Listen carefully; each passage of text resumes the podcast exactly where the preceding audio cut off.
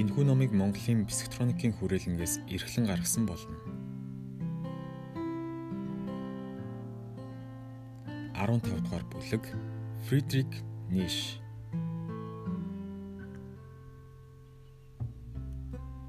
Фридрих Ниш нь дэлхийд амьдарч байсан хамгийн гүн ухаантан болов. Тэр бусад гүн ухаантнуудын огт мэдэхгүй өөр нэгэн хэмжээст бас агуу байсан ба тэр нь дал тухайн юм. Түүний гүн ухаан ганц оюун ухаан сэтгэхүйд үндэстэйгээр барахгүй зүрхний оршихуун гүн үндэстэй байдаг.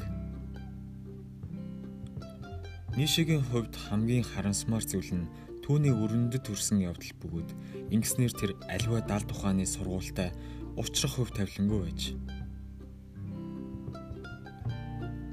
Тэрээр аливааг ихэд эргцүүлэн боддог байсан боловч бэлсглийн тухай ямар ч ойлголтгүй байв. Түүний бодол санаа заримдаа бясалгал хийж буй хүнийх мэт гүн бөгөөд шагжаманы буддаг гих мэт агуу байсан. Харин эдгээр оюун санааны ухаарлын нислэг нь түүнд санаандгүй зөнгөөрөө тохиолддог байлаа. Тэрээр оршихуг ухаарах замнал болох гэгэрлийн тухай ямар ч ойлголтгүй байлаа. Энэ бүхэн түүний амьдралд асар их хямрал самуурл үүсгэсэн. Түүний итгэл мөрөөдөл од мич төртөл дүүлж байхад амьдрал нь маш энгийн байсан. Түүнд бясалгалаас үүсдэг ид шидийн туяарл байхгүй байв. Түүний бодол санаа нь өөрийн цус, яс болон чимгнөөс гардггүй байсан учраас хичнээн гоо үзэсгэлэнтэй байсан ч гэлээ түүнд ямар нэгэн зүйл ямагт дутагдж байсан нь чухамдаа амьдрал өөрөө юм. Ийм учраас түүний сургаал өхмөл үгийн цуглуулга болж түүнд зүрхний цохилт халуун амьсгал дутагдж байлаа.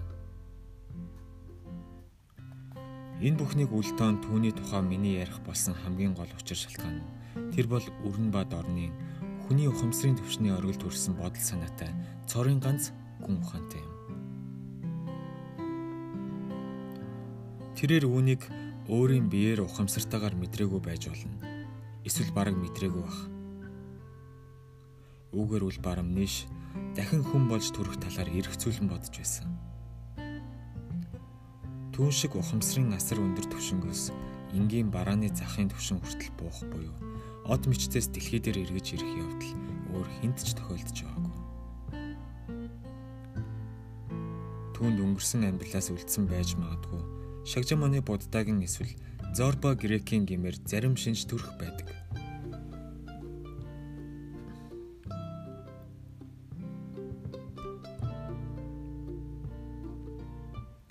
Түүний энэ хоёр шинж төрх нь бүрэн гүйцэд хөгжиж чадаагүй боловч Будда Зорбо хоёр учрах боломжтой гэдгийг баталсан цорын ганц нотлох нь байсан.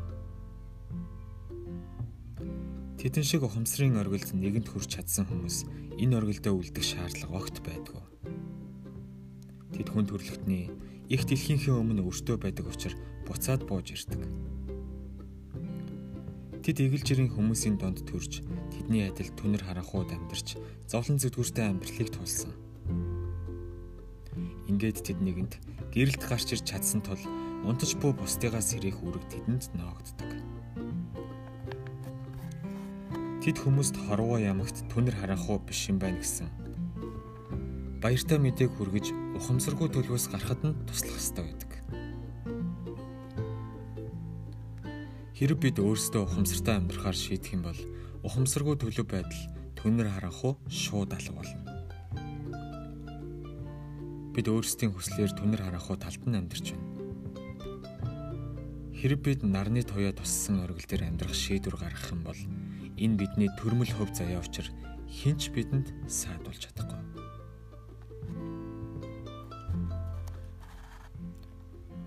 Буруугаар ойлгогдох нь сууд ухаантнуудын хувь тавилан байдаг. Хэрэг хүмүүс буруугаар ойлгохгүй бол тэр хүн сууд ухаантан биш байдаг. Хэрэг ийгэл жирийн хүмүүс тэр хүнийг ойлгож байгаа бол тэрээр тэдэнтэй нэгэн төвшөнд байгаа энгийн нэгэн оюун ухаан сэтгэхүйтэй хүн болж таарна. Фридрих Нишиг харин хүмүүс ямагт буруугаар ойлгож ирсэн ба энэхүү буруу ойлголтоос болж асар их гайг амшиг учирсан. Нишиг ойлгохын тулд түүнтэй адил буюу бүр илүү сайн ухамсарын төвшөнтэй байх шаардлагатай байдаг. Адольф Гитлер оюуны хомсдолтой байсан учраас тэр Нишиг ойлгодог байсан гэж хэлэх огт боломжгүй. Харин тэрээр түүний гүн ухааны зүнч номлогч нь болсон юм.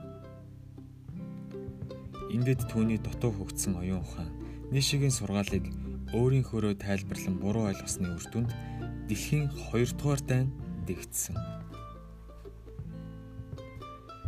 Нишэ ирч хүч ба эрх мэдлийн эрэлхийлэл тухай ярихдаа бусдыг эзэрхийлэх, дарамтлах үзэл санаа огт илэрхийлээгүй. Харин нацистууд түүний үгийг энэ утгаар нь ойлгодог эрч хүч ба эрх мэдлийг илэрхийлэх гэсэн хиллэгийн утга санаа нь эзэрхийлэх, дарамтлахын яг эсрэг утгатай юм. Бусдыг дарангуулах хүсэл нь өөрийгөө муугаар үлэх буюу өөрийгөө дорд үзэх үзэл бодлоос төрдөг. Ийм хүн бусдыг дарангуулахдаа өөрийгөө дорд биш харин бусдаас илүү гэдгийг батлахыг хичээдэг. Түүнд тэр өөрөө дорд биш гэсэн баталгаа заавал хэрэгтэй байдаг. Хэрв ийм баталгаа байхгүй бол тэр өөрийгөө дорд хэмээн тооцдог бөгөөд энэ үзэл бодлосоо салахын тулд түүнд заавал нотлохоо баталгаа хэрэгтэй байдаг. Харин жинхнээсээ бусдаас илүү гоцгой түнд ийм баталгаа огт хэрэггүй байдаг. Цэцэг өөрийгөө гоо зөксөнтэй гэж бусдтай маргадаг гэж юу? Тэргэл сар өөрийнхөө сүр жавхланг хин нэгэнд батлах гэж дэлхийг гэрэлтүүлдэг билүү? Гоцгойд хүн бусдаас илүү гэдгээ хинээрч заалгалгүй мэддэг учраас бусдыг эзэрхийлэх эсвэл дарангуулах бодол санаа огт тээдгүй. Түүнд ирч хүч ба эрх мэдлийг эрэлхийлэх хүсэл санаа байгаа боловч эзэрхийлэгч хүнээс тис өөр утга чанартай байдаг. Түүний эрх мэдлийн хүсэмжлэл нь өөрийгөө бүрэн илэрхийлэх гэсэн бодол санаанаас үүсдэг. Түүний энэ үзэл бодолд бусад хүмүүсийн хувь заяа огт хамаагүй ба тэрээр зөвхөн өөрийн хувьсэл хөгжилдөө анхаарлаа хандуулдаг. Тэр өөрийн нуугдмал бүхий л нөөц боломжоо бүрэн нээж тэнгэр хүртэл өндөр цэцгэлэн дэлбэлхийг хүсэмжилдэг. Ингэхдээ тэрээр заавал бусдаас илүү гарах гэж байгаа юм биш. Харин өөрийн боломжоо бүрэн ашиглахыг ирмэлцдэг. Ирч хүч ба эрх мэдлийн эрэлхийлэл нь зөвхөн хувь хүний шинж чанар. Ийм хүнд бусдыг дорд гэж батлах хэрэгцээ огт байхгүй бөгөөд тэр өөрөө тэнгэр шиг өндөрт харайн бүжиглэж од мичттэй нэгэн төвшөнд ярилцдаг. Түүнд хин нэгэнтэй өрсөлдөх эсвэл өөрийгөө харьцуулах хэрэг огт байхгүй. Адольф Гитлер түүний дагалдагчид Фридрих Нишигийн номлолыг буруу тайлбарлан өөрсдийн мулгуу муухай зорилготой ашиглаж түүний жинхэнэ мөн чанарыг халахлан олон түмэнд таниулааг нь тэдний дэлхийд учруулсан хамгийн том гайхам шиг юм. Тэд нийшигийн тодорхой ганц бодол санааг бус харин бүхий л ойлголт ухагтхуунуудыг буруу ойлгон гажуудулсан. Ийм гонигтай хөв заяа Фридрих Нишигээс өөр агуу гүн ухаантан эсвэл яруу найрагчид өмнө огт тохиолдож байгаагүй билээ. Гитлер түүний нэрийг барьж сургаалыг нь буруу ойлгон 8 сая хүнийг цааш харуулсантай харьцуулахад Есүс цовдлуулсан Сократ хор уусан зэрэг нь нийшигийн азгуудлаас хавгүй дээр харагдж байна.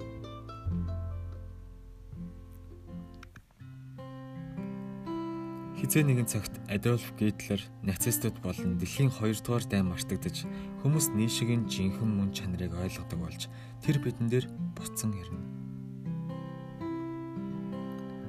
Саяхан Япон улсын саньясынууд миний Япон хэл дээрх номууд тэнд хамгийн сайн борлуулалттай байгаа.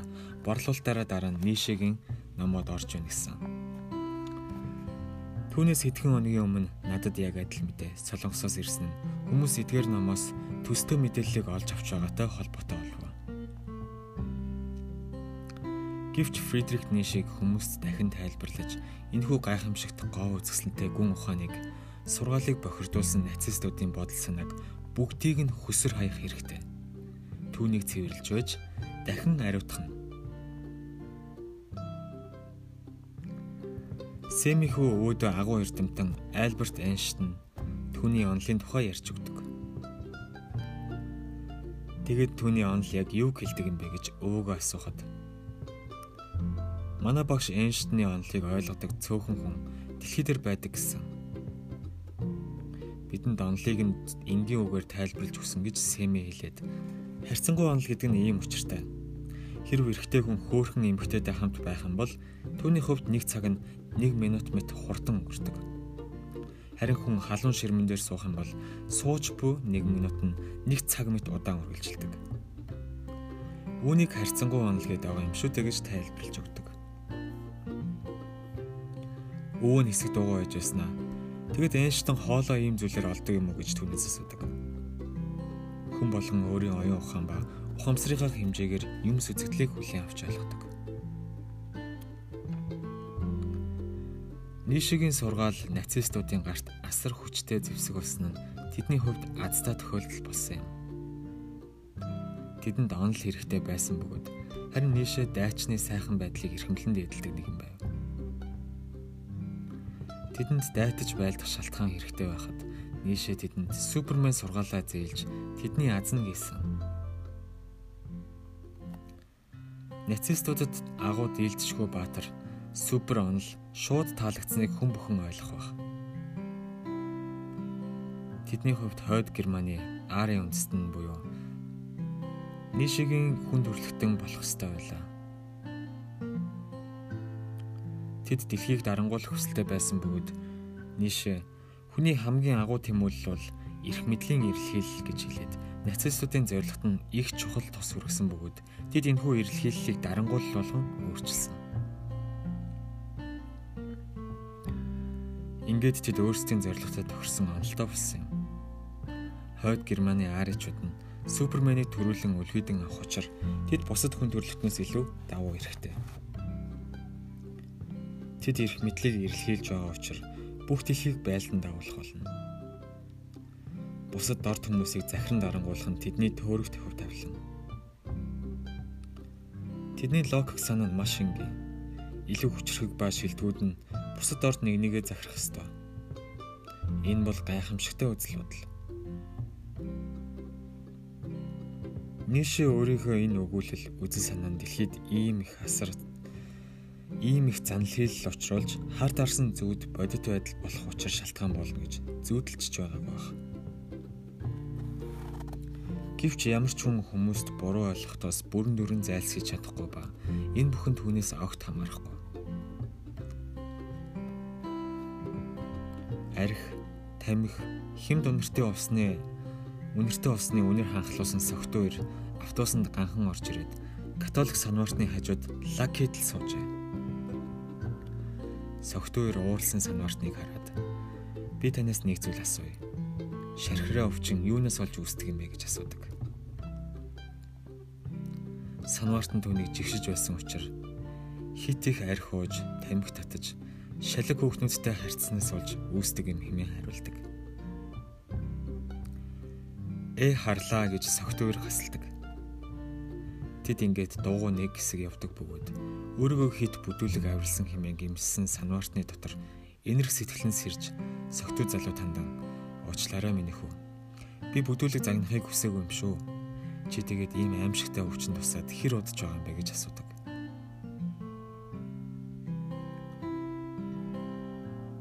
Би юу? Надад ийм өвчин тусаагүй. Харин сонинд пап ламыг шархраа өвчин туссан гэж битсэн байсан гэж хариулдаг. Амьдрал ийм л байдаг. Хэрв та ямар нэгэн зүйл хийсэн бол түүнийг юу гэж ойлгох нь нөгөө хүний ухамсараас шалтгаалдаг. Та үнийг яагаад ч өөрчилж чадахгүй. Гэвч нийшигийн онол нин чухал учир бид түүнийг нацистуудын нааж үлдээсэн хог навчнаас цэвэрлэх хэрэгтэй. Хамгийн хачирхалтай нь ганцхан нацистууд бус харин өөр олон гүн ухаантнууд түүний сургаалыг буруугаар ойлгосон байдаг. Магадгүй тэр бусдаас онцгой гоц ухаантан байсан учраас бусад өөрсдөө агуу хэмээн өргөмжилдэг хүмүүс түүнийг ойлгох чадваргүй байдаг баг. Тэрээр хүмүүсийн сэтгэн бодох хэм маягт маш олон шин гүн ойлголтуудыг оруулсан. Нийшигийн ганцхан зүнж гэрхаа санаа нь түүнийг дэлхийн хамгийн агуу гүн ухаантнуудын нэг болгох гээд хангалттай байсаар байтал тэр иймэрхүү түүнээс өөр хүн өмнө огт бодож санаагүй нэн өвөрмөц гүн ойлголтуудыг хідэн арваар нь гаргаж ирсэн. Хэрэг хүмүүс түүнийг зөв ойлгох юм бол нийшээ өөрөө супер төрөхөд шаардлагатай хөрс шороог бэлдсэн бөгөөд ингэснээр хүн төрлөختөн гүн өөрчлөлтөнд орох боломжтой болно. Би түүнийг маш ихээр хүндэлдэг ба хүмүүс түүнийг буруугаар ойлгон тайлбарлаж байгаад сэтгэл гонсгор байдаг. Түүнийг хүмүүс буруугаар ойлгож зогсохгүй солиотой хэмээн галзуугийн эмнэлэгт хүчээр хөвтүүлдэг. Эмчнэр түүнийг галзуу солиотой гэж оншилдог. Түүний бодол санаа, ойлголтууд гүн гүнзгий байсан учраас бусад хүмүүс түүнийг их багталтайгаар галзуу, солиотой гэж зарлсан. Тэд хэрв тэр галзуу солиотой юм биш бол бид хит ингийн тэнэг мангуу болж таарч байна. Химэн бодож түүнийг хичээр түүний хүчээр сэтгэл мэдрэлийн эмнэлэгт хэвтүүлдэг. Миний хувьд тэр хизээч галзуу солиотой байгаагүй. Тэр бусдаас хит илүү хол харж, бусдад бодит үннийг чин сэтгэлээсээ хэлсэн юм. Тэрээр улс төрчид санваарнууд гих мэд өчүүхэн амьтдын муу муха бодол санааг үлтэн өөрийн бодол санаагаа хит цагаанаар байгаагаар нь илэрхийлсэн.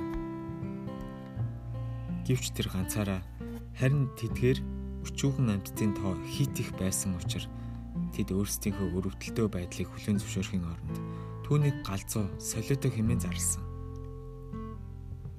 Харин нийшигийн галзуугийн эмнэлэгт бичсэн сүүлийн ном нь түүний оюун ухаан эрүүл сарвал байсныг баталдаг. Гэвч би түүний галзуу байгаагүй гэдгийг хэлж буй анхны хүн юм.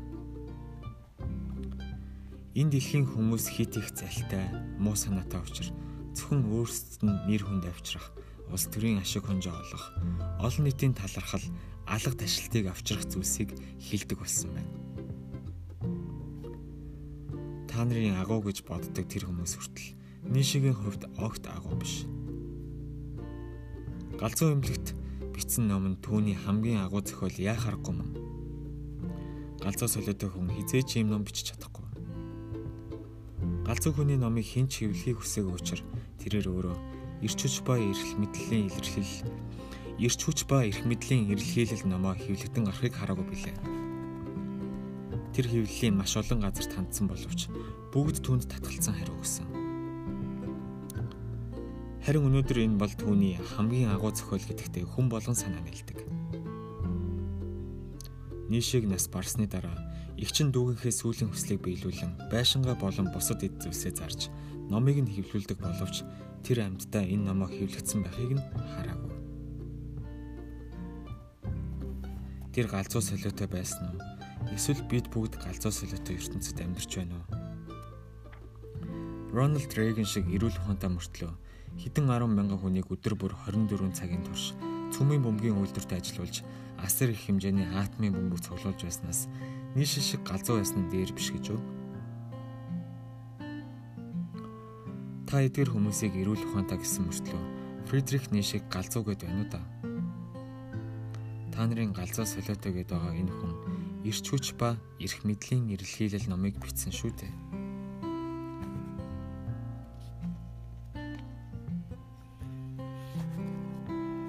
Фридрих Ниш бурхныг үгсэн гэсэн бурхан өгсөн учраас тэр ингэж хэлсэн. Хүмүүсийн хэдэн мянган жилийн турш шүдэн биширч ирсэн бурхан нас нүхтсэн. Энэ бол бодит бурхан бас харин сүм хэд Моше ба Синагат хүмүүс залбирдаг. Моше нь мусульман шашинтнуудын сүм. Синагагт бол еврей шашинтнуудын сүм.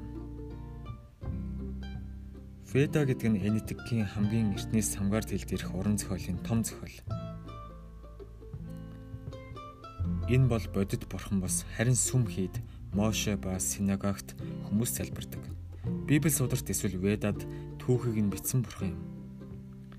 Хүмүүс эдгээр ойлголтуудыг ардаа орхиод удаж байна. Нийшээ зөвхөн боддоор болсон явдлыг үгээр илэрхийлэн тунхагласан. Тэр ч гэсэн бусдын адил энэ үннийг мэдээд алмааран гайхсан. Энэ гашуун үннийг хүлээж авах болоогүй байсан тул амьдралынхаа туршид үүнийг хүлээн зөвшөөрөх гэж өөртөөгөө тэмцсэн. Тэр Бурхан жинхнээсээ өнгөрсөн гэж өөрийгөө ятгахыг оролдож байсан боловч энэ нь түүний хувьд үнэхээр асуудал болоод байлаа. Тэр үнийг тунхаглах анхны хүн байсан учраас их зовлон амьссан. Бүхний төрөнд альва юмны анхдагч байх нь амар биш. Тэр сэтгэлийн гүн зочролд орж амьдралынхаа сүүлийн жилүүдийг хагас солиорлын байдалтай өнгөрүүлсэн. Тэр энэ тунгаглалыг хийснээрээ өөрийгөө эрсдэлд оруулсан юм. Өнөөдөр бурхан өгсөн гэж хэлэх нь бараг л түгээмэл ердийн хэллэг болоод байна. Харин нийшиг хэлэх үед газар хөдлөлт, тэнгэрээс буух аян мэт хүмүүсийн төөрөгдлийг арилгасан юм. Гэхдээ энэ бол түүний хэлсэн үгийн зөвхөн нэг хэсэг нь бөгөөд тэр шин төрлийн хүн ирэх гэж бүгд тунхагласан.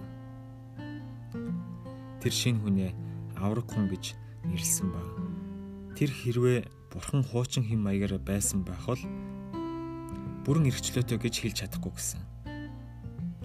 Ийм тохиолдолд хүн өсөн дэвжих, боловсрч гүйцэх буюу хүчрэх болох боломж байхгүй бөгөөд түүнд ямагт эцгийн инхрийлэл, хайр халамж хэрэгтэй гэсэн. Агуу эцгийн үүрэг гүйцэтгэгч бурхан нас барсан нь түүний тунхаглалын нэг хэсэг юм. Нөгөө хэсэг нь та одоо биеэ дааж зөвхөн өөртөө итгэж өөрийнхөө хүлдээр зогсох явдал. Та одоо боловсрч гүйтсэн. Хамаарал хамгаалалт хэрэггүй. Тэнийг залбирлаа орхи. Тэр дими ёслол заншлуудаа орхи. Иймэрхүү тоглоомодоор дахин бүү тоглол. Хүн бурхны нэрийг барин маш олон төрлийн тоглоомодоор тоглож ирсний зэрэгцээ. Санвартнууд бурхны нэрийг барин бусад хүмүүсийг дарлан мөлжиж байсан юм. Энэ бүхэн нийшээ цэг тавьсан учраас дэлхийн ертөнц хуучин хим маягтай хизээж буцаж орохгүй. Нийшээ өөрийн тунхаглалаасаа болж асар их зүдэрсэн боловч тэр хүн төрлөختөнд агуу их тус нэмэр хүргэж ирж шин нэрний тухай мэдээг бусдад дуулан сониртуулсан. Хуучин хоцрогдмол бурхан өгсөн нь шин төрлийн бурхан гарч ирэх үндсэн нөхцөл болж илүү дэвшилттэй өнөөгийн оюун ухаан сэтгхүүд илүү тохирох бурханы талаарх шин үзэл санаа бодлыг төрүүлсэн. Библи судрын бурхан түүнийг зохиосон хүмүүсийн хувьд хамгийн зөв нь байсан. Мозесийн үеийн хүмүүс Библи судрыг маш сайнаар хүлээн авсан учраас энэхүү номлол сургаал нь Бурхныг сурталчлах зорилгоо тэр үед маш сайн биелүүлсэн. Гэвч түүнээс хойш хэдэн мянган жил өнгөрлөө. Одоо Бурханд шинэ хувцас хэрэгтэй болцоод байхад тэр хуучирч модсон хувцастайгаа явсаар л. Бурхан хорвоо салин одоогүй тийм боломж ч байхгүй. Харин түүний талаарх хүмүүсийн хуучин үзэл бодол өгсөн. Хүмүүс зөвхөн хайрын ивэл өсөж боловсрдаг байсан учраас тэднийг байнга хайрлаж хамгаалах хэрэгтэй байлаа. Харин одоо хүн хойр ганцаараа гэдгийг мэдлээ. Тэд Тэнгэрлэг эцгийн хайр халамжийг ордохын оронд өөрсдийн хүчинд найдах хэрэгтэй болж байна. Хүн ингэж санаачлагыг гартаа авч хариуцлагыг мөрөндөө өрснөр агуу хувьсгалын эхлэл тавигдлаа хүнд өөрт нь цаашид боловсрч хүчрхэгжих нөөц боломж их бий. Хүн бурханд хит их итгэснээс болж энэхүү усан дэвчих боломж агуу ирээд өгөх хөсрөө хайсан байна. Үүний оронд харин хуучирсан бурхныг хүсэр хаях нь хавгүй дээр. Бурхан нэгэнт үгүй болсон учраас та хариуцлагыг өөрийн гартаа авч эрх чөлөөгөө тунхагласнаар гайхамшигтай зүйлүүд биелэлээ олно.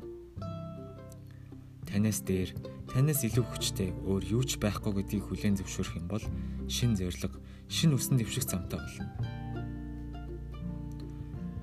Та амьдралаа өөрийн гартаа авч үл мэдэх харанхуураа зөрөгтэй шумбаа орч чадна. Ингэснээр таны амьдралд адал явдлууд учирч шин мэдлэг, шин үнэн, шин бодит байдал, шин газар нутаг, шин баяр баясгал ориглоно.